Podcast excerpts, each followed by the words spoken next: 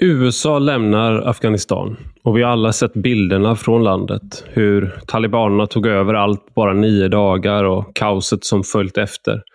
Människor som försöker ta sig till flygplatsen och de tragiska bilderna på människor som har kedjat fast sig själva vid flygplan och sedan störtar mot sin död.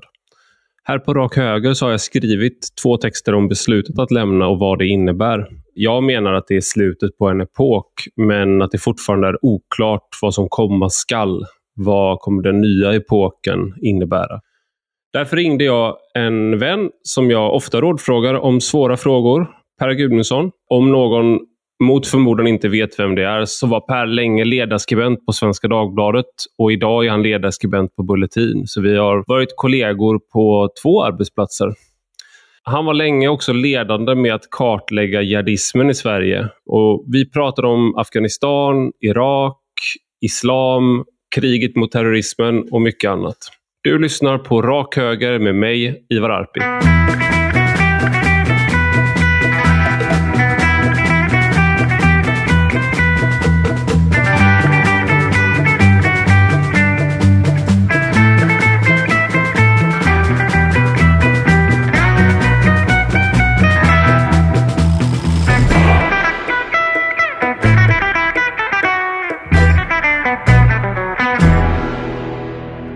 Välkommen Per Gudmundsson till Rak Höger. Tack! Är du en rak höger? Nej, eh, jag har under hela livet haft en ganska slingrig bana. Jag har svårt att... Och många påstår att jag är konservativ. Jag tycker själv att jag är liberal. Och ibland eh, har det varit höger, ibland har det varit vänster. Jag det är ihåg, du som är rak. Jag, jag vet inte hur rak jag är. Jag, jag, det är bara, jag, jag är göteborgare, så ordvitsen var viktigare än själva budskapet tror jag. Men jag kommer ihåg att du vid ett tillfälle på ett seminarium, jag tror det är tio år sedan nu på Almedalen, eh, då var du liksom den, eh, jag tror du var Sveriges mest hatade högerman då. Och det var i samband med den här karikatyren, där det så här, vi ska skjuta Per Gudmundsson, den där eh, grejen som eh, i Galago. Så här, men då pratade du om huruvida du var konservativ eller inte. Då berättade du om en britt, tror jag, som hade hittat naken död på en musikfestival stupfull då liksom och, och sådär. Du sa att det, det, det där sortens konservatism kan jag känna mig hemma i, sa du på det här accessseminariet. Jag kommer inte ihåg om publi hur publiken reagerade, men det där har stannat, stannat hos mig. Det är Per Gudmundssons konservatism. ja, nej, men jag, jag tror ju, om vi ska, eh, jag vet inte om vi ska fördjupa oss i det, men, men jag tror att det är omöjligt om man är uppvuxen i Sverige på eh, 70-talet dessutom. Eh, eh, indränkt i rock'n'roll och, och populärkultur. Omöjligt att, att eh, vara något annat än liberal helt enkelt. Jag tror att vår, den frihetsrevolution som vi, vår barn och ungdom, eh, har genomgått, den eh, omöjliggör alla andra. Eh, livshållningar helt enkelt. Om jag är konservativ så är det för att jag vill med konservatismen möjliggöra ett fritt eh, liberalt liv. Ja, nu blev det att vi började med att prata om så här, hur, hur, vilken sorts höger vi är och komma ut som olika, sorts, olika grader av liberal och konservativ här. Ur, liksom, sådär. Eh, men eh, du var ju, när jag började läsa dig, eh, jag, jag är lite för ung för att ha varit med, liksom, jag var inte politiskt medveten riktigt i början av 00-talet. Men jag började läsa din blogg som, du var ju den eh, som kartlade svensk jihadism egentligen eh, och var då eh, liksom islamofob med svenska, inte svenska folket, men med svenska journalistkåren. Eh, men du var liksom den som gjorde det under lång tid. Och på det sättet så var du också på något sätt så här, mister kriget mot terrorismen i Sverige på något sätt. Um, det fanns såklart människor på Säpo får man hoppas som också gjorde det här. Eh, men de läste säkert din blogg också. Det, nu, anledningen till att jag har bjudit hit dig, förutom att vi är vänner, är ju också att eh, nu så drar USA tillbaka sina trupper från Afghanistan. Och det är snart, eh, om ett par veckor, så är det eh, 20 års eh, jubileum, är det väl inte, men 20-årsdag sedan 11 september och World, terrordådet i World Trade Center. Och det som inledde Afga kriget i Afghanistan. Jag tänkte, du då som har varit, liksom, du har varit en, en, stor del av den här tiden i Sverige på något sätt med de frågorna du har bevakat. Hur ser du på det som sker nu i Afghanistan? Jag tror att det snabba tillbakadragandet från USAs sida, eller det hastiga, eller vad ska man säga, det klumpigt genomförda tillbakadragandet. Talibanernas enormt effektiva eh, återerövring av landet. Jag tror att det är ett uppvaknande globalt för, för eh, synen på, på eh, intervention eller synen på vad man kan åstadkomma i andra länder.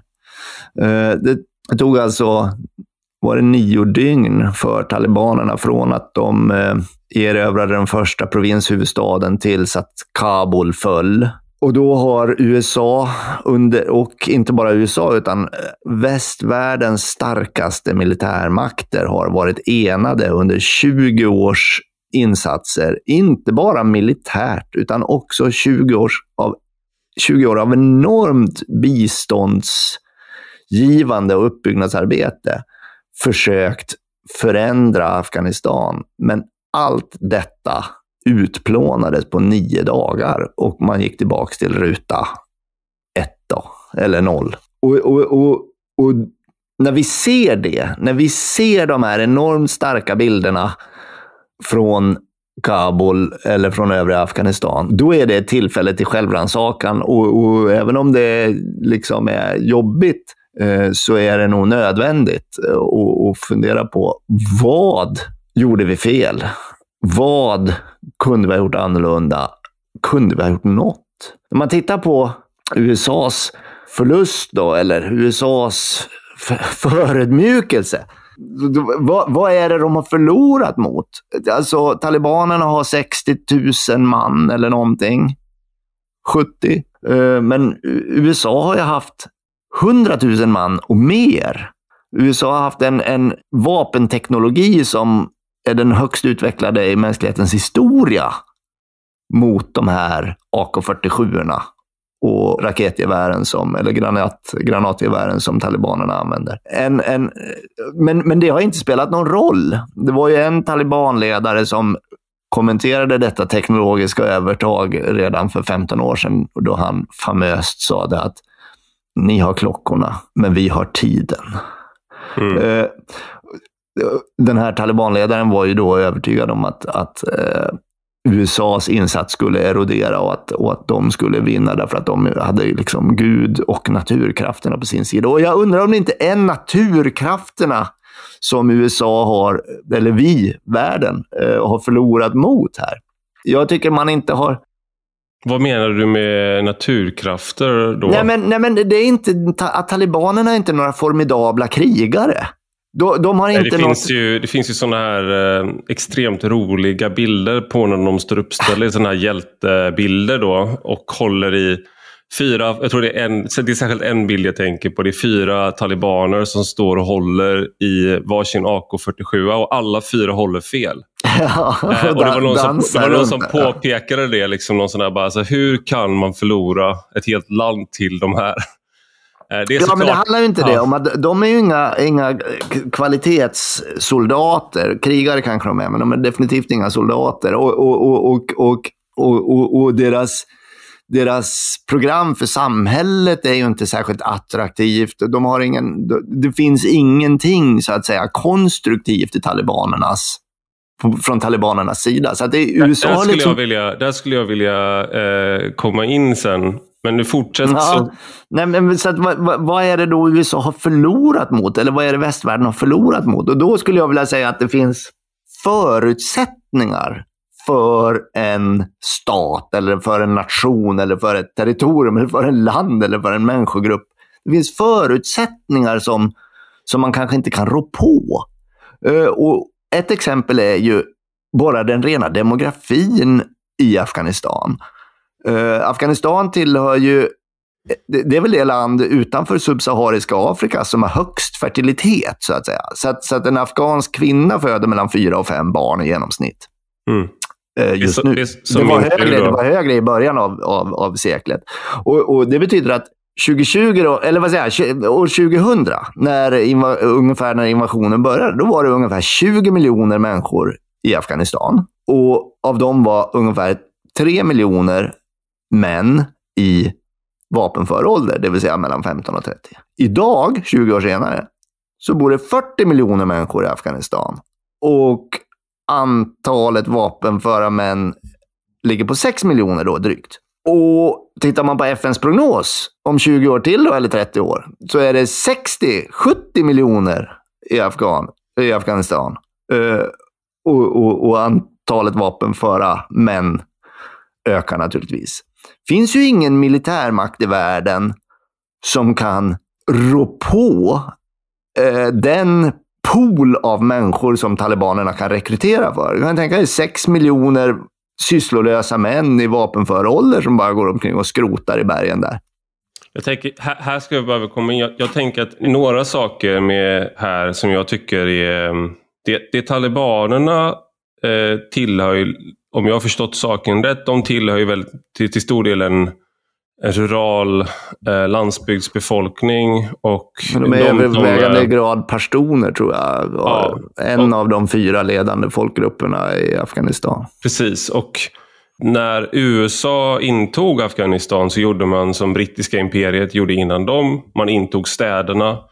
Eh, och när britterna under sin tid i Afghanistan, när de, när de, eh, när de intog, liksom, när de kom till Afghanistan, även då så dröp så att säga det eh, motståndet bort för att man ville inte utkämpa en direkt eh, konfrontation med den tidens då eh, starkaste militärmakt. Så en, det man gjorde var att man drog upp i bergen och hade ungefär samma filosofi som man sen hade. Alltså det, om man läser Return of a King av William Dalrymple som handlar om Brit det var Ostindiska kompaniet och brittiska imperiet tillsammans på 1840-talet som då intar Afghanistan så är det väldigt kusliga paralleller till hur, hur britterna misslyckades då. En sak som talibanerna har, som talar för dem och som jag tror man kan sympatisera med även om man är så att säga en Även om man betraktar sig som en dödlig fiende till deras, eh, eller, eh, till deras ideologi så att säga. Det är ju att de är väldigt mycket mot korruption. Och någonting, vi ska spola tillbaka bandet alldeles strax till vad det var, hur vi resonerade för 20 år sedan kring det här. Men en sak som man kan se var ju att USA pumpat in pengar i städerna till en elit i städerna som tillhör en annan befolkningsgrupp. Eh, och många gånger så är det helt andra grupper som bor i städerna och som bor ute på landsbygden. Talibaner är starka på landsbygden och i städerna bor en annan. Och det, den där liksom, klyvningen stad och land som vi även har i Sverige, eh, den är starkare i Afghanistan och den har, den har funnits där i flera hundra år. Eh, och det har funnits en, en, en dragkamp mellan de här grupperna av mer urbana eliter och landsbygdsbefolkning. Och det man har gjort är att man har berikat människor i städerna som har varit klienter till USA och västvärlden. Det är så här det ser ut från, från många i Afghanistans synvinkel. Och pengarna har inte kommit landsbygden till del. Och här har vi då personer som Karzai till exempel, när han insåg E-, enligt, om man lyssnar på en intervju med William Dalrymple då, som är en historiker som har, som har besökt Afghanistan. Som är då, han har skrivit den här boken och han, han, eh, han pratade med eh, Karzai och berättade, för han, han, han kunde så mycket om den här befolkningen, så sa Karzai då, den förre presidenten, eller förrförre får man säga nu då, han bjöd in William Dalrymple och sa att om du kommer hit liksom, eh, varje kväll eh, i en vecka så så ska du få tillgång till, alla, till allting du vill här och så får du berätta för mig om den här perioden under brittiska imperiet och berätta för mig om liksom mina så att säga, föregångare här. Och efter det där mötet så blev Karzai mycket mer fientlig till väst i sin retorik. För det han insåg då var att ett problem i förra, så att säga, det som afghanerna såg som ockupation av brittiska imperiet. Det de det han insåg då var att om du uppfattas vara en klient, om du uppfattas vara liksom, så att skedmatas av en främmande makt så förlorar du din legitimitet. Så du måste ha en mer fientlig ton mot, mot USA, mot den ockupationsmakten. Eh, sen eh, Ashraf Ghani, han har då varit enligt uppgifter eh, varit väldigt, väldigt förolämpande mot klanledare från landsbygden. Han har bland annat suttit med fötterna på bordet, med fötterna mot, mm. fotsulorna mot de här eh, när de besöker honom. De har rest liksom genom hela landet och han säger ja, ni får fem minuter, ni får tio minuter. Eh, han har skrikit på folk.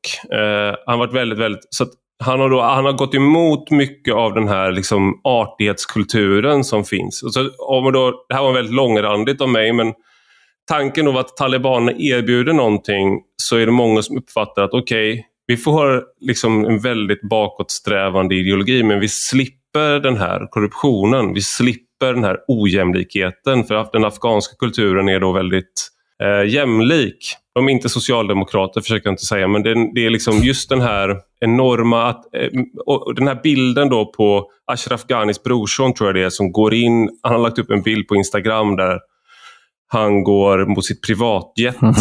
Mm. och så skriver han att I move, I move from crisis to crisis with as much, as much elegance as I can.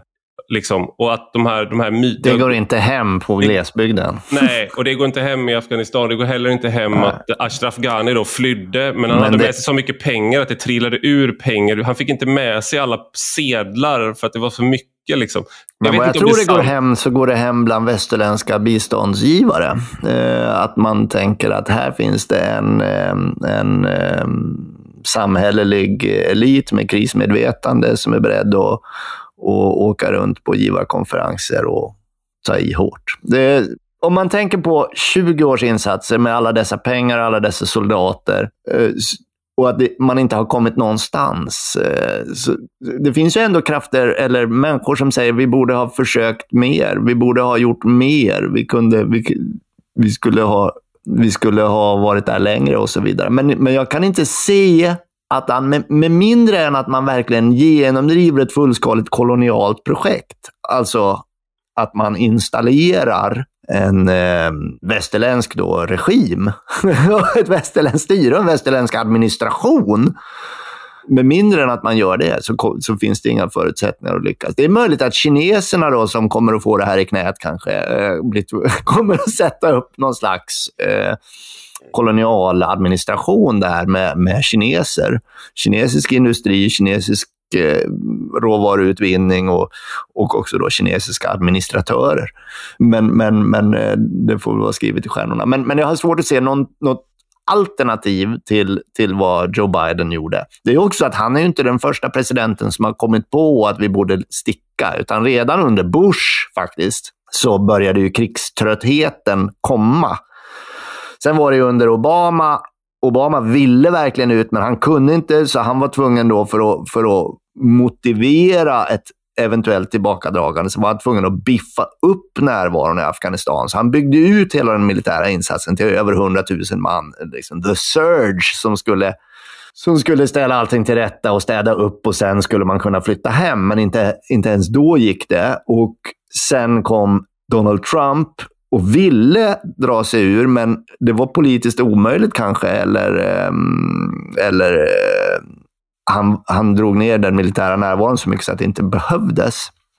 Eh, han skrev ju under avtalet med ja, talibanerna. han skrev under avtalet, men sen, sen eh, liksom, han, han, skulle ju precis som Biden bara kunna dra ur proppen. Mm. Men, men det var slutligen Biden som gör det och Biden gör det på den mest Eh, vad ska man säga, eh, ett så, ett så förödmjukande sätt så att ingen i USA egentligen kan ifrågasätta om beslutet var korrekt eller inte. Utan eh, alla är väl mer eller mindre övertygade om att det, vi, det, vi kunde inte göra mer. Det, ja, det, jag, jag har hört den här, för det var ju nu när man då drar, ur, drar sig ur. Eh, det finns ju några sådana här myter om af, afghanska soldater, att de inte har någon strids moral. Och det kan man, kanske, jag kan inte, det, det, det, verkar finnas en del fog för det, så att säga, i och med att det tog nio dagar.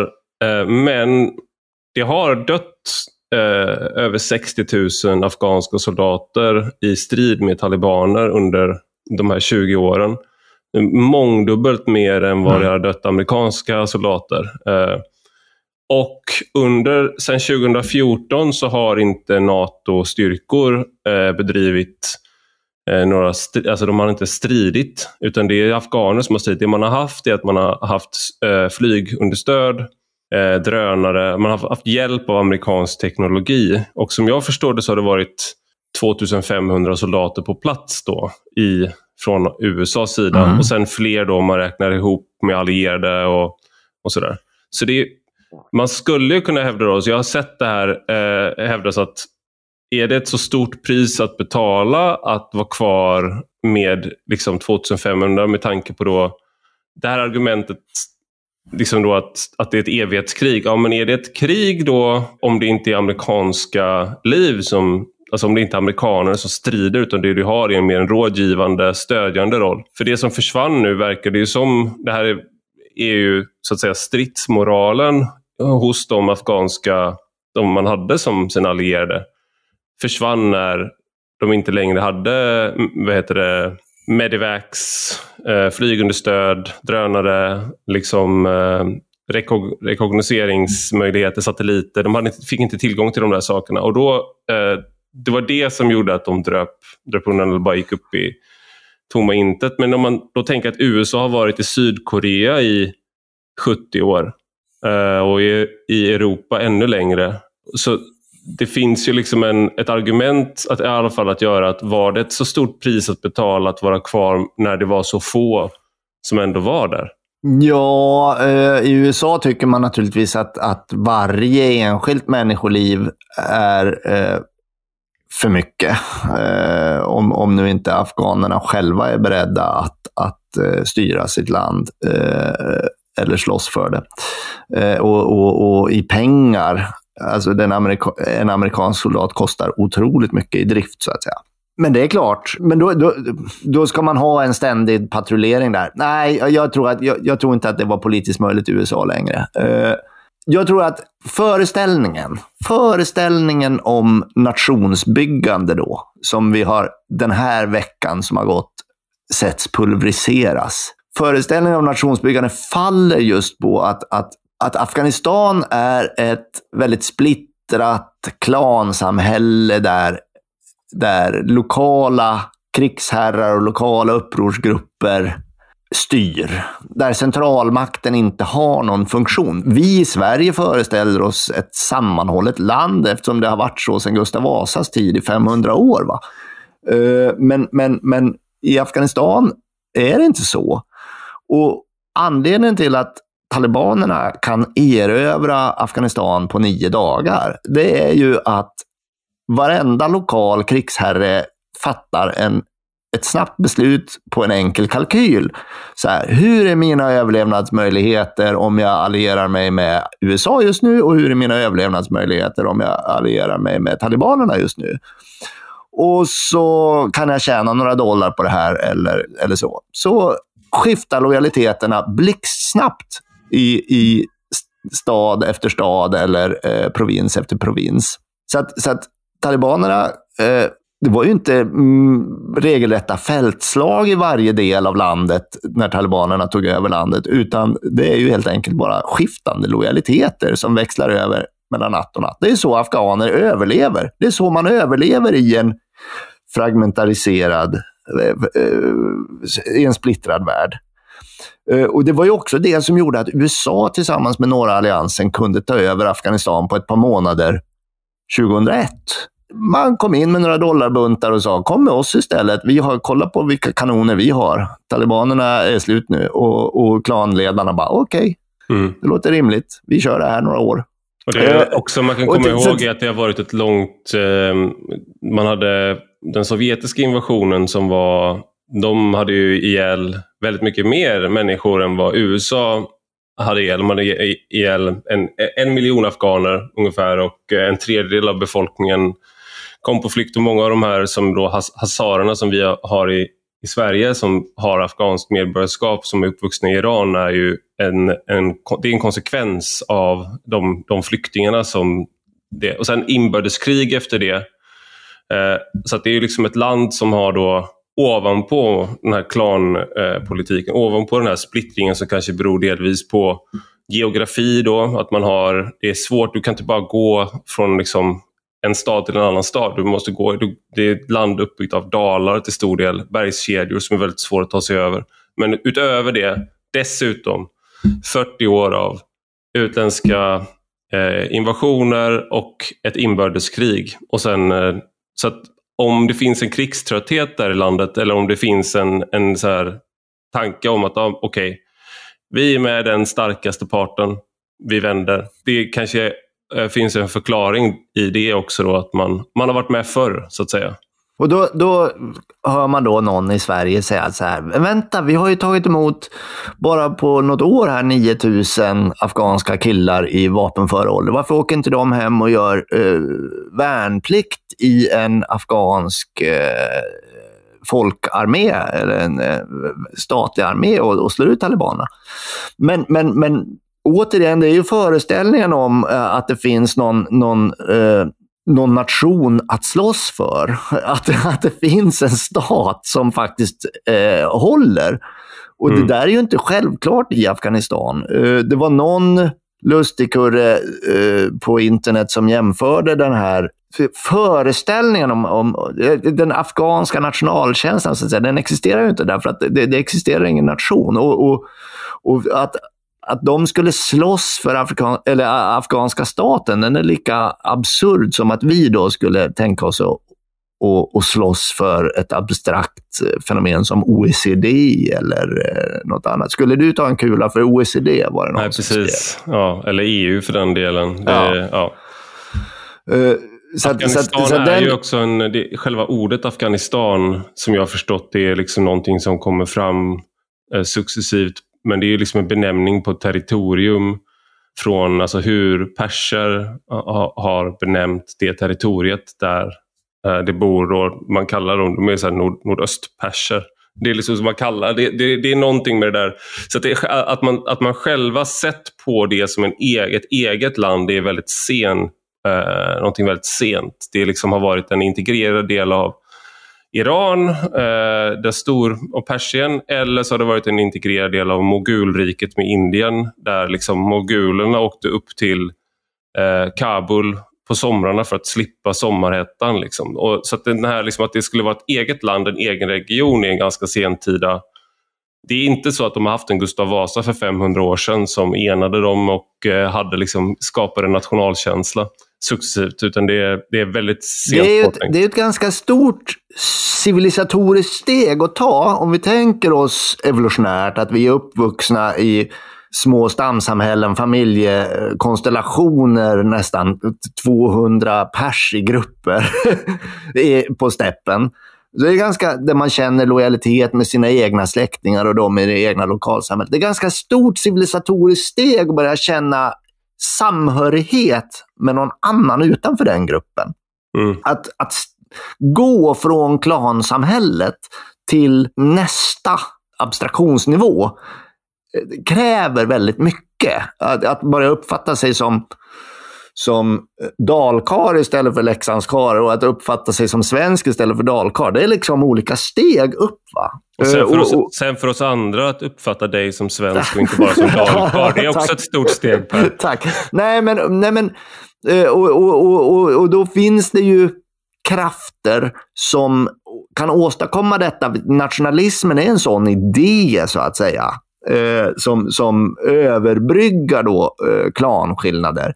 Men det är ju också så att religion är en typisk sån idé mm. som skapar förbrödring mellan fiender. Och, och om den amerikanska närvaron då, precis som du har sagt tidigare, om den amerikanska närvaron i Afghanistan har varit någon form av nationsbygge, så har den snarare stärkt den islamiska nationen. Alltså Mm. Det är därför talibanerna kan hitta en, en, en kraft, eh, ytterligare kraft efter de här 20 åren. Tror de, jag möjligen. Precis, och de har ju varit, de har ju, precis som du säger nu, de har ju lyckats eh, i alla fall delvis så lyckas de i sin ideologi överbrygga de här, eh, den här splittringen delvis. Delvis lyckas de Eh, med, med, sin, med sin religion. Så att du får människor som kommer från olika klaner kan enas i att de är talibaner i islam. Islam har haft den effekten och islamismen särskilt på, på människor. Eh, oavsett om man tycker det är bra eller dåligt så, så har den en sån funktion. Man kan mötas i det här, i någonting större. Men nu tänkte jag fråga dig, för 20 år sedan då, när när liksom, okej, okay, World Trade Center, terrorrådet, Usama bin Laden finns i eh, Afghanistan. Hans läger som han upprättade där i kampen mot Sovjet kallades Al-Qaida. Det är där Al-Qaida bildas. Han byggde upp Al-Qaida i Afghanistan och talibanerna skyddar honom, lämnar inte ut honom till USA. Borde man eh, Liksom, och, just det, och det fanns en FN-resolution som sa då, de, som sa att ni får göra vad ni vill i princip. Uh, by any means necessary. NATO, de, uh, för första gången så utlöstes artikel 5. Det vill säga, de hade rätt enligt NATO, enligt FN, enligt i princip hela världen att göra någonting. Men borde de ha avstått då från den här interventionen om vi då är Captain, om du tar på dig Captain Hindsight-manteln. ja, men, men återigen, jag säger ju att det här är tillfälle för självrannsakan. Och, och, och, om jag tänker på hur, hur 11 september var för mig, det var ju ett, ett, livsavgörande ögonblick. Jag var inne i, jag hamnade i en period av att omvärdera min politiska eh, ståndpunkt, alltså, eller hela min livssyn faktiskt. Och, och, och, och jag, jag, för, innan dess så var jag en vänster människa och efter det var jag en högermänniska i princip. Eh, men, men, men, men 11 september ställde ju västvärlden inför en valsituation som George Bush också drog nytta av, eller utnyttjade kanske man säga, genom att säga antingen är ni med oss eller så är ni emot oss. Mm. och, och, och Det skulle jag väl kunna säga var också sant. Alltså, det, det, den här storskaliga terroristattacken, eh, där, då man kunde i ett, mm, liksom, på, ett, på en dag döda 3000 människor. Något sådant hade ju aldrig tidigare skådats. Det var ju en ren eh, liksom, militär omfattning ja, på, på terrorangreppet och det krävde också en, ett, militärt svar. Terrorismen höll på att utvecklas i en riktning, eller man kunde befara att terrorismen skulle utvecklas i en riktning med allt större människoliv som skulle spillas om man inte kunde åtgärda detta. Så det, det, det tycker jag nog är, är, rimligt att man, att man svarar. Och, och, och Det tycker jag fortfarande. Eh, och, och, och, jag tycker nog självklart att, att eh, USA då, eller västvärlden för den delen, ger sig in i, i eh, lejonets kula att åka till Afghanistan och försöka driva ut al-Qaida och deras, eh, deras välgörare talibanerna, det är ju inte fel. Alltså det är ju fortfarande rätt. Det tror jag varje stat som utsätts för ett sådant angrepp som 11 september var, eh, skulle komma fram till. Mm. Och inte bara det, George Bush gjorde ju, eller eh, hans styre gjorde ju analysen att andra regimer som sa sig vara beredda att göra som talibanerna skulle också straffas. Så han åkte ju till Irak. Inte för att Saddam Hussein hade talibaner eller al-Qaida där, utan han åkte dit för att Saddam Hussein sa att, att han hade al-Qaida där. Precis. Alltså. De har ju gjort en, de, de försökte ju hitta bevis för det där. Det var den största liksom, undersökningen som någonsin har gjorts. 150 000 intervjuer med olika människor. Alltså de gjorde enormt för att hitta några bevis för att Saddam Hussein hade stöttat al-Qaida och att det fanns den där kopplingen. Och sen har, man ju, har det visat sig att det fanns inte. Men för Donald Rumsfeld, Dick Cheney och de runt omkring George W. Bush så var de de var övertygade om att Saddam Hussein förmodligen eh, gynnade al-Qaida och därför indirekt var ansvarig för det som ja. skedde vid World Trade Center. Ja, och, och Saddam Hussein hade liksom en, en uttalad policy om att han betalade terrorister och terroristers änkor i andra länder. Liksom. Och det där var, var då argument för att straffa honom så att ingen annan statsledare skulle få för sig att vara lika dum. Va?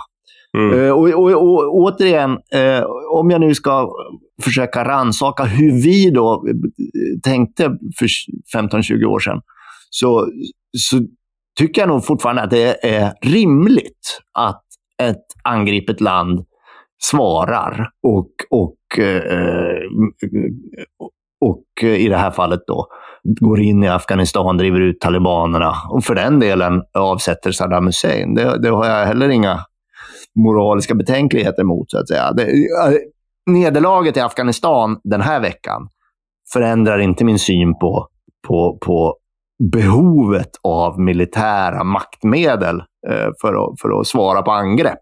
Jag tänker att det ändå det finns här med jag är ju med på Afghanistankriget. Eh, så om jag har spårat tillbaka, jag tror inte att jag skulle ha... Om någon hade frågat mig, tycker du det är rätt eller fel?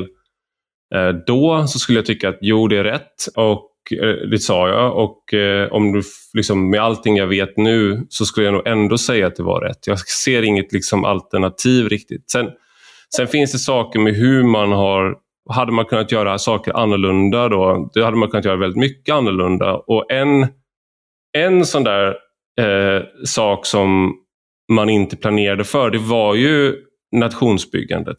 Och att man, det man var ute efter var ett realpolitiskt mål. Det var att få tag på Usama bin Laden, krossa al-Qaida eh, och eh, besegra talibanerna. Men man hade ingen bra plan för vad man skulle bygga upp istället. Och här, om jag har förstått saken rätt, så var, fick man ganska tidigt varningssignaler med att vissa, vissa man samarbetade med gjorde eh, liksom var korrupta, de gjorde inte det de skulle, de tog, satte pengar på privata konton. som det här, eh, vår gamla kollega Maria Ludvigsson på Svenska Dagbladets ledarsida skrev om häromdagen att den dyraste villan i Sveriges historia såldes på, till eh, afghanska ambassaden eh, för, ett tag, för några år sedan. Då. Och det där är ju liksom, den, de där sakerna visste man om, men det man sa var att okej, okay, men vi har inte tid att fokusera på det. En annan sak som man som man då gjorde var att James Mattis som då var eh, nu mer känd som en, under en kort period försvarsminister eh, för Donald Trump.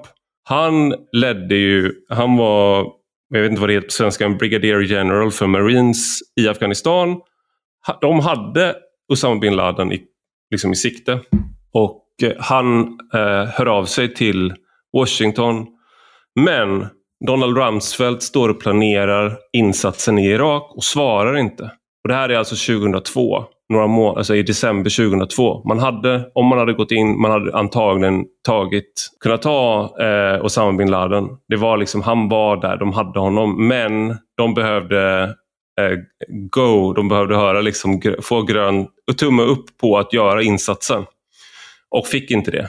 Och då missade man Osama bin Laden och det dröjde så det, det finns ju sådana aspekter här med då Irakkriget som en, inte lika legitimt, inte liksom, det visade sig att man hade fel, alltså de skälen man angav till att gå in eh, fanns inte sen visade det sig. Det fanns inga massförstörelsevapen.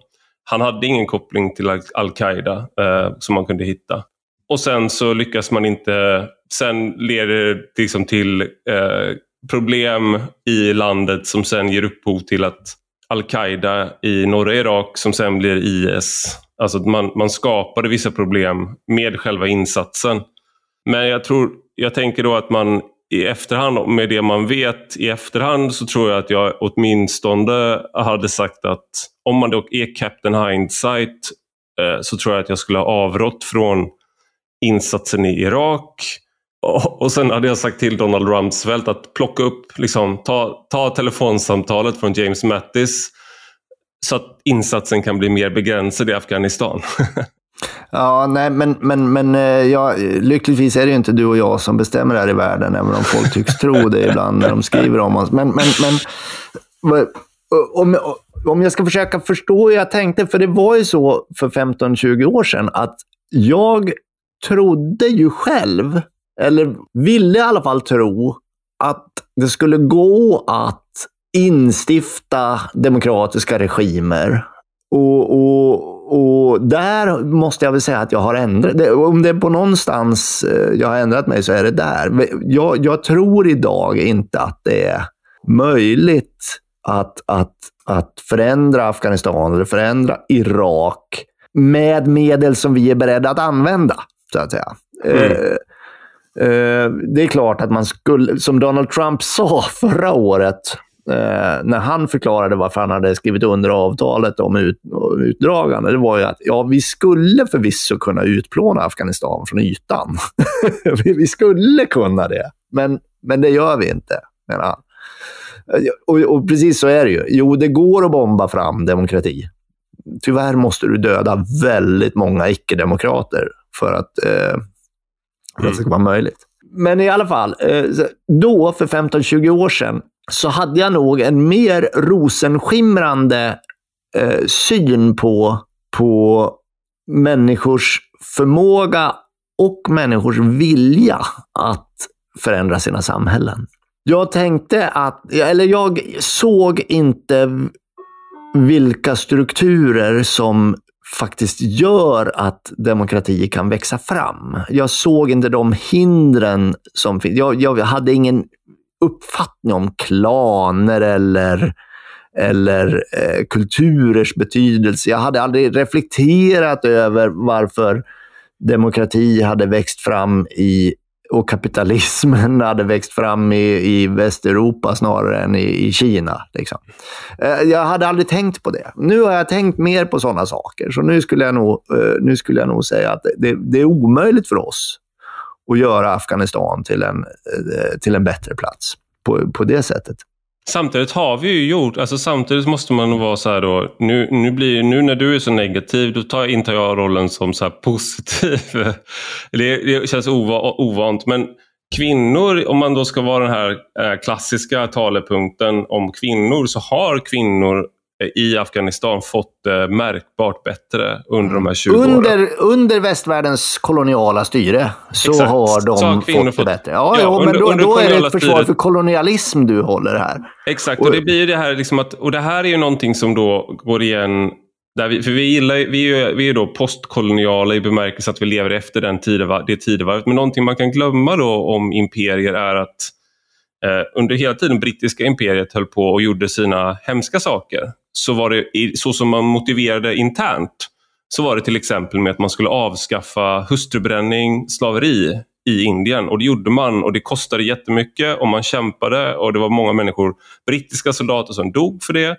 Man, man motiverade sin närvaro i Indien på vissa sätt som liknar hur vi har motiverat vår närvaro i Afghanistan. Alltså man hade de här mjuka eh, målen också. Så, sen hade man massa, gjorde man en massa annan skit såklart. Eh, men så det här målet då, att å ena sidan ska vi besegra talibanerna och al-Qaida, å andra sidan så ska vi frigöra kvinnor, vi ska bygga vägar, vi ska, det ska finnas elektricitet, det ska finnas skolor och allt det där. Men vissa av de här sakerna har man ju lyckats eh, delvis med i alla fall. Sen har man inte lyckats så här, det har inte, Afghanistan har inte blivit, eh, vad, är det, vad är det Francis Fukuyama i sin eh, i sina två volymer om politisk ordning. Han säger How to get to Denmark.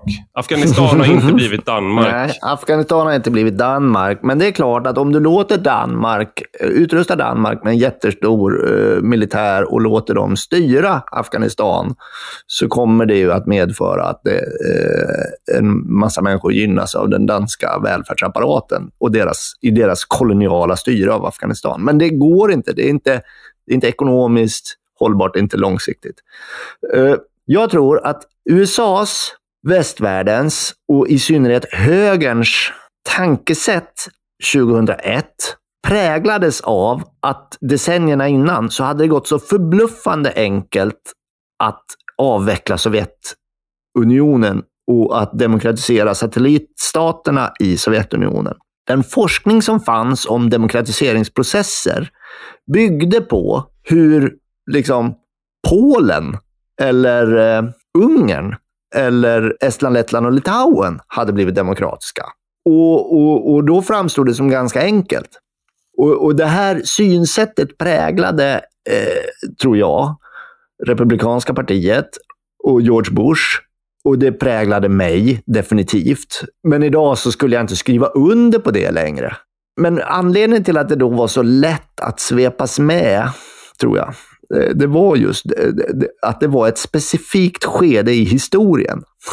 det var ju fortfarande många som trodde att Ryssland skulle bli demokratiskt. Då. Och det var ju också människor som eh, där runt års eh, millennieskiftet som sa att, jag minns därför att jag, jag började plugga runt då så var det en, en av mina professorer, hade en, då hade Lunds universitet något samarbete med Kina.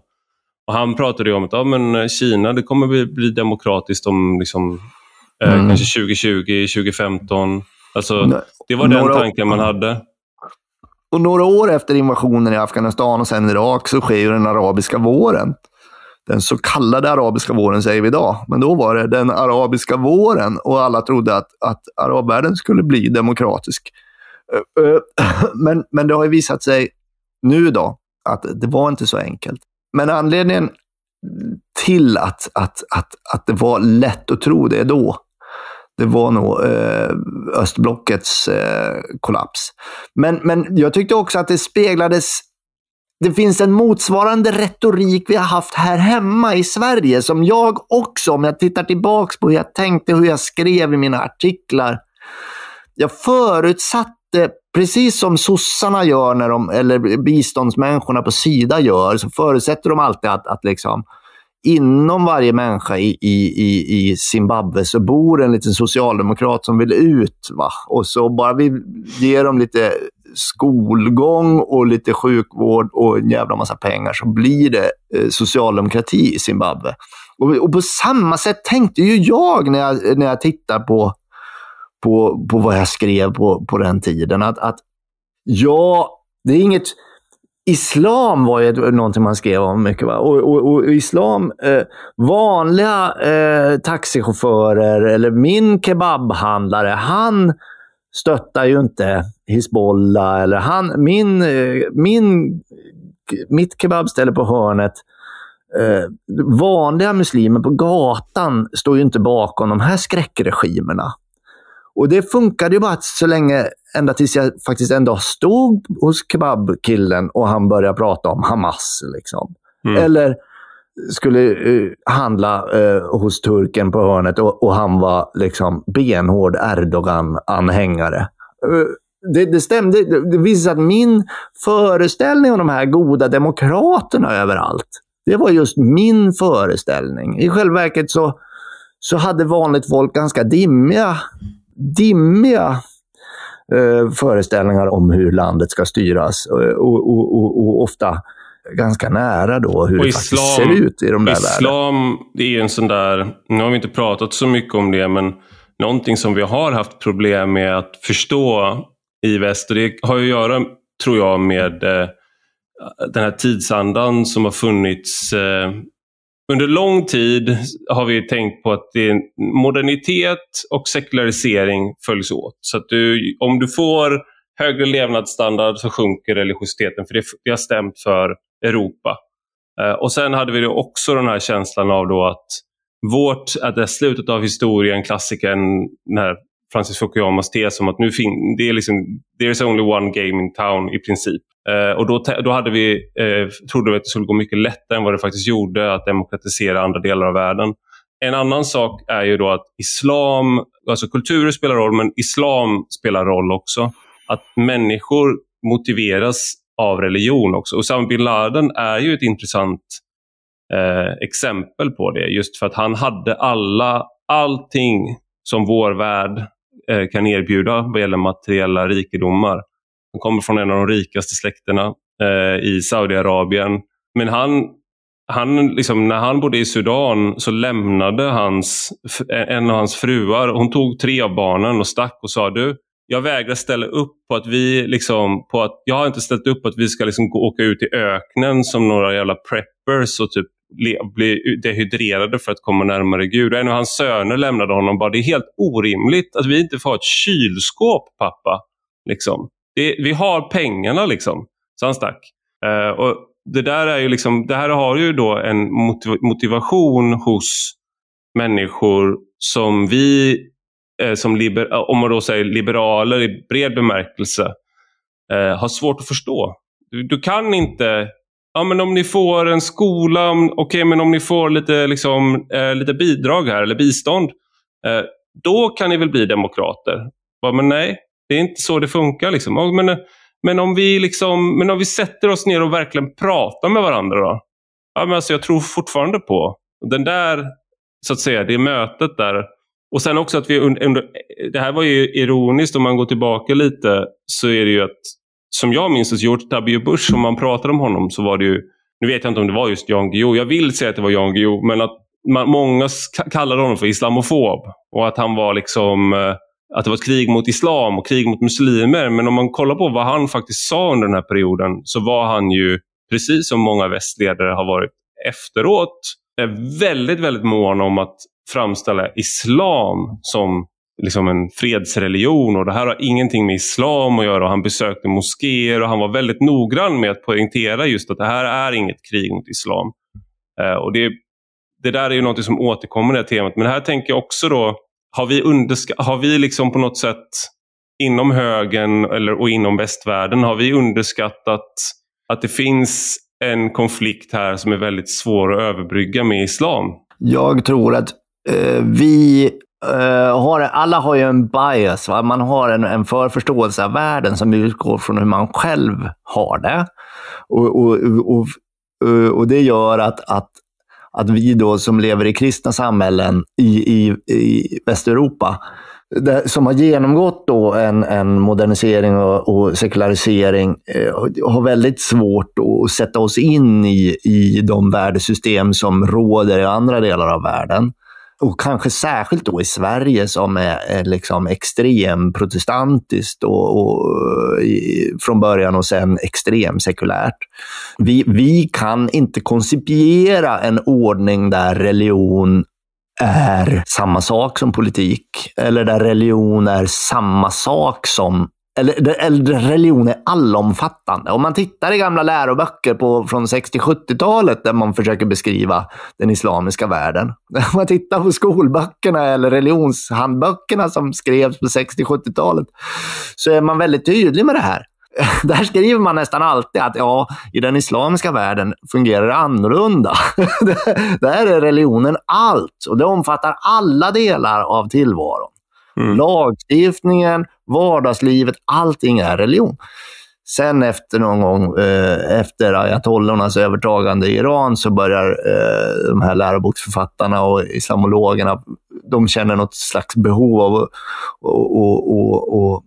sminka över eller, eller försvara den islamiska världen, så att säga. Eh, så, så den, de där beskrivningarna blir lite men man kan, inte heller acceptera, man kan inte heller acceptera att det faktiskt är religionen. Så man tänker att det är nog väst... Det kan Men religionen exempel, det, är en faktor. Religionen är en faktor, säger jag. Och, ja. och jag, jag, jag, jag, jag tror att religionen präglar även vår del av världen, så att säga. Eller den präglar vår del av världen. Och jag tror att det finns en, en rad föreställningar som är en följd, en automatisk följd av kristendomen. Alltså, vi, vi, har, vi har föreställningar om människans okränkbara värde som leder till att en del kristna blir abortmotståndare och en del kristna blir pacifister. Liksom. Det, det, det är en, en logisk följd av det här ställningstagandet, det här urställningstagandet.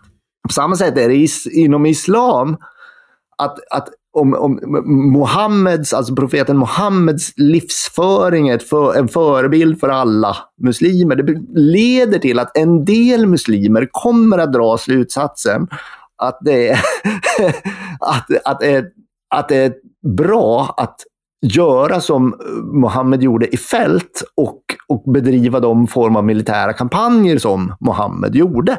Alltså, det är en följd av religionen. och, och, och, och det leder till, tror jag, eh, dels då att du får en, en eh, militans inom delar av islam. Och det leder också till att du inte kommer att få en demokratisk utveckling på samma sätt som vi har fått inom, inom delar av den kristna världen. Eh, och det går att se skillnader. Det går att mäta skillnader mellan hur kristna eller västliga länder utvecklas och islamiska länder utvecklas. Det, det, det betyder inte att de här skillnaderna är nödvändigt, att det kommer alltid att vara så, eller att det är exakt likadant i alla muslimska länder. Man kan se på aggregerad nivå att, att, att, att islamiska länder släpar efter vad gäller demokratisk utveckling, rättvisa, jämställdhet, ekonomisk utveckling och så vidare. Och, och att tro att vi med någon enkel militär manöver eller med biståndsbudgeten bara kan ratta om det här är väldigt förmätet skulle jag säga. Sen, sen tänker jag med, vad gäller med kristendomen kan man också säga att många Vissa vill gärna härleda våra demokrati och liberalism till eh, upplysningen och det stämmer ju till stor del men en, rent liksom, faktiskt också så hade vi ett krig i 30 år, 30-åriga kriget där vi inte accepterade några begränsningar för sanning, rättvisa och eh, liksom gudstro utan min sanning är sanningen och jag är beredd att ta ta det ut i fält. Och det fick ju som vanligt, eller på att säga, halva Tysklands befolkning att dö. Eh, och, det, och svenskarna gjorde sitt. Men där då i den västfaliska freden 1648 så kom man överens, inte, för, inte av idealistiska skäl, inte av några utopistiska skäl, utan av utmattning. Att inom varje stat så får fursten, den som regenten, får bestämma vilken religion som ska råda. Och det där liksom, det där var ju inte, det var inte för att man kom på att det finns massa olika sanningar i världen.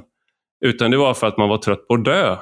Man orkade inte längre. Och, och lite, det där är också en, en, del av den här historien att det finns Eh, den typen av motsvarande fördrag har inte funnits i Mellanöstern. Det finns inte en sån där fred som råder mellan Shia och Sunni.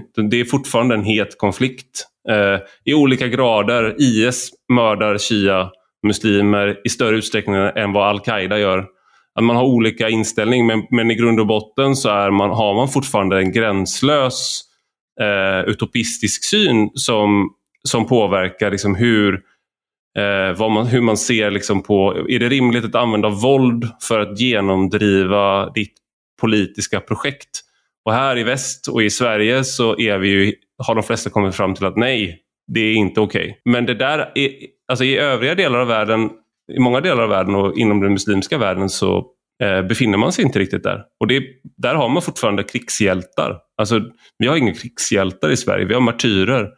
Eh, Dag Hammarskjöld, eh, Olof Palme. Alltså, men vi har inga krigshjältar som vi liksom på lördag, firar, på lördag firas Döbelndagen i, vid Johannes kyrkogård då eh, den gamle eh, von Döbeln, eh, som ligger begraven där, eh, faktiskt eh, eh firas eh, med, med, med lite upptåg och lite mässingsorkestrar. Det är väl en krigshjälte. Men det var 200 år sedan.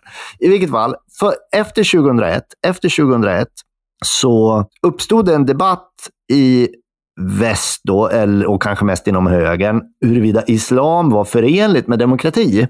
Och några sa ju då att nej, det går, går inte. Men, men den dominerande, eh, dominerande och, och, och, som George Bush då anförde var att det var möjligt att förena. Och att det inte bara var möjligt, utan det, det skulle gå ganska enkelt. Men det fanns några som menade att, att sharia eh, i sig, så att säga, den islamiska rätten går inte att förena med demokrati. Och det, det fanns det en kille som som var professor, eller då var han inte professor, men då eh, som pluggade på Harvard. En jurist på Harvard eh, som hette eh, Noah Fellman. Som skrev en bok fem år efter 11 september, eller, eller om det var åtta år efter, ja, någonting sånt där, efter 11 september. Där han eh, hade gått igenom då eh, sharian med sin juridiska kompetens och äh, slagit fast då att nej, eh, det finns inte någon given motsättning mellan sharia och demokrati. Alltså det går att kombinera, menade han. Eh, det var lite roligt då. Noah Fällman, han var gift med, eller gift med, han var ihop med den här, eh, vår gamla kollega Jenny Nordberg på Svenska Dagbladet. Och han var inbjuden på något access-seminarium på strax efter arabiska våren och då frågade jag honom det här med demokrati och, det här med demokrati och, och, och arabvärlden, hur har det gått egentligen? Eh, kommer vi att få se arabvärlden demokratiseras? Nej, sa han. Han var den som alltså hade bevisat att det finns ingen motsättning mellan sharia och demokrati. Men han sa ändå, nej, det, det kommer vi inte få se i vår livstid. Och så menar han att Tunisien, Tunisien visade att det var möjligt att införa demokrati under sharia. Men det var undantaget. Det, Tunisien var en sån outlier, så att man kunde inte förvänta sig att resten av arabvärlden skulle gå i den riktningen. Utan det, det var det var Tunisien enbart som skulle ehm, lyckas inom vår livstid. Och det, det, det, där tänk, det där tänker jag är ett bra rättesnöre att ha. Alltså, det är möjligt, men det är inte särskilt sannolikt att vi kan skapa ett bättre samhälle någonstans. Och om man nu tänker så här, det är möjligt men inte särskilt sannolikt. Ska man då göra några större insatser? Ja, jag vet inte. Men det, finns det en risk att vi överkorrigerar nu då? För att en sak som verkar eh, förena numera folk på vänsterkanten och högerkanten, men kanske inte folk i mitten, är tanken då att västvärlden ska inte göra den här sortens interventioner. Mer, alltså, och särskilt i USA så finns en sån eh, känsla av, eh, eller en ådra av iso isolationism där man ska dra sig tillbaka från sina åtaganden på något sätt. Är inte en risk nu då när vi ser vad som sker med Afghanistan att det gick så snabbt att, att talibanerna kom tillbaka? Det känns ju som så här som så här, buddhisterna, buddhistmunkar gör ju såna här mandala, så här jättevackra sandmålningar med färgad sand. Och sen sopar de bort allting bara för att visa liksom, eh, på livets förgänglighet och alltings meningslöshet. Liksom, allting är ett jagande efter vind och allt det där. Eh, och så lite den känslan får man ju nu med de här 20 åren, att det var en mandala vi byggde upp och sen bara sopades allting bort liksom, på nio dagar. Jag tror att is isolas isolationism, det tror jag är en illusion. USA då, för att, eftersom det är dem det handlar om. USA har ju alltid haft en extremt högljudd isolationistisk eh, opinion som alltid har sagt nej, vi ska inte lägga oss i vad andra länder gör. Men eftersom man då råkar vara världens starkaste militärmakt eh, och har varit det i snart hundra år, så, så blir man ändå tvungen att då och då rycka ut och släcka några bränder. Ofta går det åt helvete, ofta blir det moraliskt tvivelaktigt och fel. Men det är ändå, visar det sig, ett, ett återkommande behov. Alltså, inte från USAs sida, utan från världen. Det är livet som gör att man måste försöka åtgärda problem då och då. Liksom. Uh, och, och jag tror, jag tror vi kommer att att höra sådana här önskemål om isolationism. Men att, att det, det kommer att visa att det inte är realistiskt. Det är inte realistiskt att, att, att stå och titta på när, när vi ser en katastrof då i, i, i vilket land det nu må vara. Utan någonting måste göras. Men vi har gjort det och de har gjort det med Syrien. Så det har skett. Eh, det, det, man skulle kunna hävda att eh, Irak-invasionen och hur den motiverades så att det visade sig vara falskt, det gjorde att man inte ingrep i Syrien när eh, man kunde göra det. Man ville mm. inte bli, eh, gå in i ännu ett land och ta bort ännu en diktator och sen försöka bygga upp en nation en gång till. Det fanns inte den, Obama ville inte det. Och John, Mc, amerikansk... John, McCain, John ja. McCain då som var en av de Eh, sista riktigt hårdföra neokonservativa hökarna. Eh, han eh, var väldigt kritisk till att man inte gjorde det. Så, det finns en amerikansk statsvetare, Edward Lutwak, som vi har skrivit om, både du och jag tror jag, och, och an, säga, åkallat då och då i våra skriverier. Han skrev ju handboken i statskupper för den amerikanska, eh, som den amerikanska administrationen eh, ut, använde sig av under 70 och 80-talets olika bananrepubliksingripanden. Eh, Han eh, sa ju famöst “Give war a chance”. Han menar att konflikter ibland måste få verka ut. Liksom. Ibland ska man inte lägga sig. Ibland får man låta de här parterna slåss färdigt också. Mm. Eh, och, det, och, det, är ju en option som finns. Eh, men nu, alltså, vad jag tänker på när jag ser den svenska reaktionen. Här har vi då i 20 år, även för svensk del är ju det här ett misslyckande. Det är ju inte USA bara som har misslyckats, utan även i Sverige har ju faktiskt haft tusen man på plats, eh, eller mycket mer. Och i Afghanistan, vi har haft den största eh, insatsen på, på år och dagar faktiskt. Och, och inte bara militärt, utan vi har också mångdubblat vårt bistånd till Afghanistan. Eh, vi har gått från några hundra miljoner till en miljard om året som vi lägger på Afghanistan. Va? Mm. Och när detta då kollapsar framför våra ögon, vad är den vanligaste reaktionen i det svenska folket? Hur reagerar det svenska folket? Om du tittar runt på Facebook eller Twitter, och vi måste starta en insamling. Det är det första de säger. Och Radiohjälpen går ut och säger nu är behoven större än någonsin. Vi måste ge mer. Karina Bergfeldt gick emot eh, ja, SVTs men, opartiskhetspolicy ja, och startade en egen insamling. Vi har, vi har alltså i 20 år försökt samla in till Afghanistan. Det är vårt, vårt liksom primära biståndsmål. Det är inte bistånd som behövs. va? Men är det då att vi känner att... Men det är det enda sättet vi kan ja, tänka kan, oss att vi kan reagera på. va? Och, och, och, nej, men jag tänker att, att kanske var utvecklingsbiståndet sådär. Kanske är det bra med filtar och malariemedel och plåster, men kanske funkar det sådär att bygga, bygga eh, administrativa organ åt, åt den afghanska staten. Kanske är det så. Kan, om vi nu har den här instinkten i Sverige att vi måste försöka ge och hjälpa. Um, kanske ska vi försöka hitta hjälp som fungerar snarare än stärker ett kolonialt projekt. Jag, jag, gick tillbaka och kollade. Eh, vår, eh, vår gamla arbetsplats, Svenska Dagbladet, eh, har ju ett historiskt arkiv som går tillbaka till tidningen startade. Som, som du brukade sitta och hitta guld, mm, fantastiskt guld, fint. och fynda i. Precis som du fyndar på second hand-butiker. Men jag gick tillbaka och läste på om det armeniska folkmordet så som det beskrevs i, eh, i SvD. Och man hade ju all information. Svenskar var inte på plats, men britter var på plats. Så man använde andra länders ambassadpersonal och eh, korrespondenter som återgavs i Svenska Dagbladet. Så svenska läsare fick veta precis vad som hände. Eh, liksom, inte, eh, inte i realtid som vi kan nu med Twitter, men du, man visste vad som pågick. Och det startades mycket riktigt en insamling 1915, eh, tror jag det var, eller 1916. Men det startades en insamling av privatpersoner som satte igång Eh, för att hjälpa då armenierna. Eh, men det var ju ingen då som hade föreställningen att Sverige, att det skulle ske en intervention. Första världskriget pågick också så det påverkade. liksom.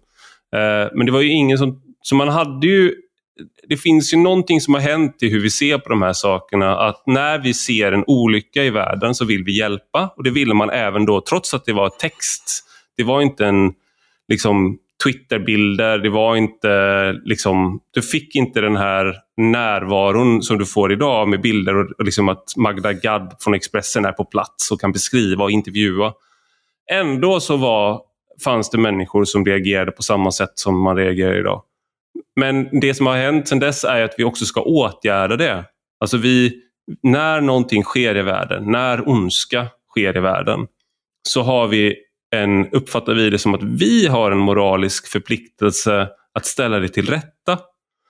Eh, och det tror jag är någonting som, som är liksom eh, väldigt, det är som en grundplatta i hur vi ser på saker och jag tror att det där, det där är svårt att ställa om för oss. Att till exempel bli som kineser, så att säga, nu, nu är jag väldigt eh, fördomsfull mot hur Kina tänker, men jag tänker mig att de är mycket mer realpolitiskt, eh, liksom, okej, okay, kan vi arbeta med dem? Kan vi skaka hand med dem? Kan vi få ut någonting? Mm. Eh, kan, kan vi stärkas av det här? Så Ryssland också. Man har liksom en realpolitisk syn på omvärlden och sen ibland, ibland så kanske man, okej, okay, okej, okay, men det här var faktiskt liksom lite över gränsen även för oss.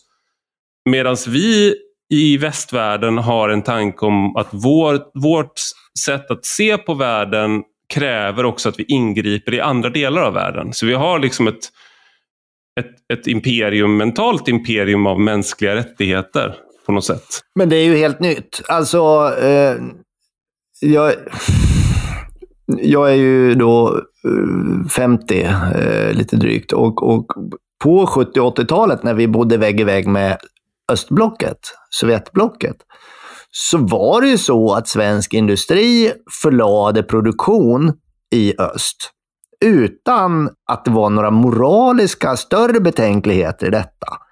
Man kan ju tänka sig att de kommunistiska samhällen var världens största fängelser, där varje medborgare var slav under ett totalitärt system. Och där, att, att förlägga produktion dit, som Ikea gjorde, eller svenska bokförlag tryckte böcker i öst. Liksom. Ikea gör fortfarande, har fortfarande en del eh, trä från Vitryssland.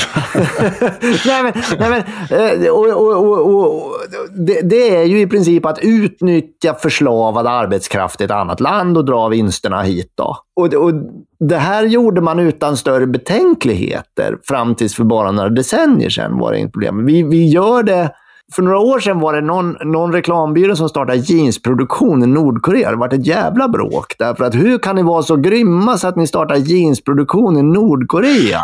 Men, men det var ju en, värd, vad ska man säga, en värderingsförändring som hade skett mm. under bara något decennium. Det hade mm. inte varit något konstigt på 70-talet eller 80-talet om någon hade startat jeansproduktion i Nordkorea. Mm. Därför att så såg världen ut. Men, så såg världen ut. Men, men jag, tror, jag, jag är inte säker på... Det är klart, alla människor kan ju inte leva med sig själva om de är delaktiga då till ett, ett utnyttjande i andra länder. Och så är det ju även idag. Det är många som tycker att det är förskräckligt att ha produktion i, i, i fattiga länder, till exempel, där, där barn med barnarbete och, och, och utnyttjande på många sätt grasserar. Men vi vet ofta leder det ju till utveckling eh, och det är ju ett hopp man kan ha. Det här var ju eh, för övrigt när Kipling, eh, jag tog upp det här i förra podden så nu låter det som att jag bara har mm. en referens, men när Kipling sa där What do they know of England who only England know? Då var det ju kritik mot Little England, så att säga, som inte visste att deras välstånd byggdes upp av imperiet, vad imperiet gjorde. Att de varorna som de såg som en naturlig konsumtion i sitt vardagliga liv, te, socker och liknande, det var en del av en mycket större och att det var arbetare i liksom, olika kolonier, människor på olika håll och kanter och som byggde upp allt det här. Eh, och han tyckte liksom att den provinsiella attityden som då vissa hade var, då förstår de inte ens det de har. För De förstår inte England om de bara tror att det är här, det här när vi har ett helt imperium liksom, som solen aldrig sänker sig över. Eh, eller går ner över. Och det, där, så det, finns, det har funnits en sån aspekt med att liksom, ja, den t-shirten jag har på mig nu, den bomullen, liksom, den, den görs någonstans och till, liksom, till vilket pris. Hur kommer det sig att Dressman har så billiga kläder? Det finns, det finns ju hela tiden någonting i det där. Men jag, jag och så, och så, kan man väl, på samma sätt då som vi accepterar det inom det kapitalistiska systemet, så kan man väl tänka sig det också inom det politiska systemet. Ja, jag tycker att det är förskräckligt i Somalia. Jag tycker att, att könsstympningen som pågår där och kvinnoförtrycket är omänsklig. Eh, men det betyder ju inte att jag omedelbart vill, eller tror att jag kan rädda alla somaliska kvinnor genom att ta hit dem. Eller tror att jag kan styra upp Somalia genom att ockupera det och, och inrätta en, en, en svensk kolonialadministration i Somalia. Mm. Eh, eh, utan jag, jag bara får acceptera att ja, Somalia finns. Och det är ganska lite jag kan göra åt det. Istället kan jag vara tacksam över att jag har Sverige som funkar ganska bra. Eh, det kanske är cyniskt, men, men det blir där någonstans jag landar. Sen kommer det att hända grejer i Somalia om det nu visar sig att en krigsherre försöker döda alla ur eh, en annan eh, folkgrupp, då kanske vi måste skicka gränsbevakande styrkor dit för att kyla ner den här konflikten. Vi Men vi kanske inte ska, vi kanske ska vara där permanent. va?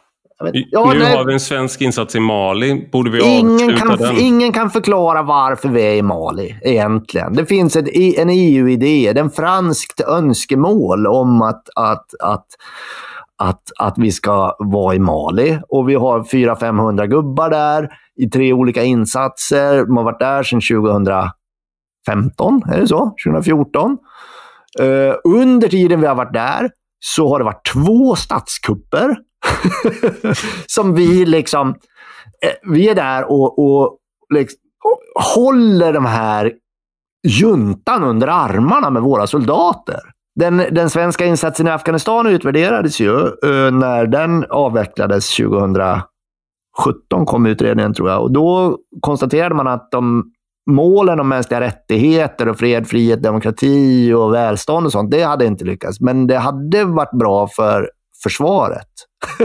det hade varit ja. bra för militärens trovärdighet i internationella operationer. Och, och, och, och, det är ju bara en svensk variant av det man pratar om i USA, det militärindustriella komplexet och sånt där. Va? Ja, det är de som vill ha krig. Hos oss funkar det nästan likadant. Det finns ju faktiskt från Wikileaks eh, ja, jag, argument jag där om att eh, vi, ja, men och ja. det, är ju inte, det är ju inte fel. Var, jag ska bara säga vad det var. Det var då alltså att man ville sälja Gripenplan till, till Afghanistan. Eh, och att man såg liksom ja, det här som en chans här att kunna göra det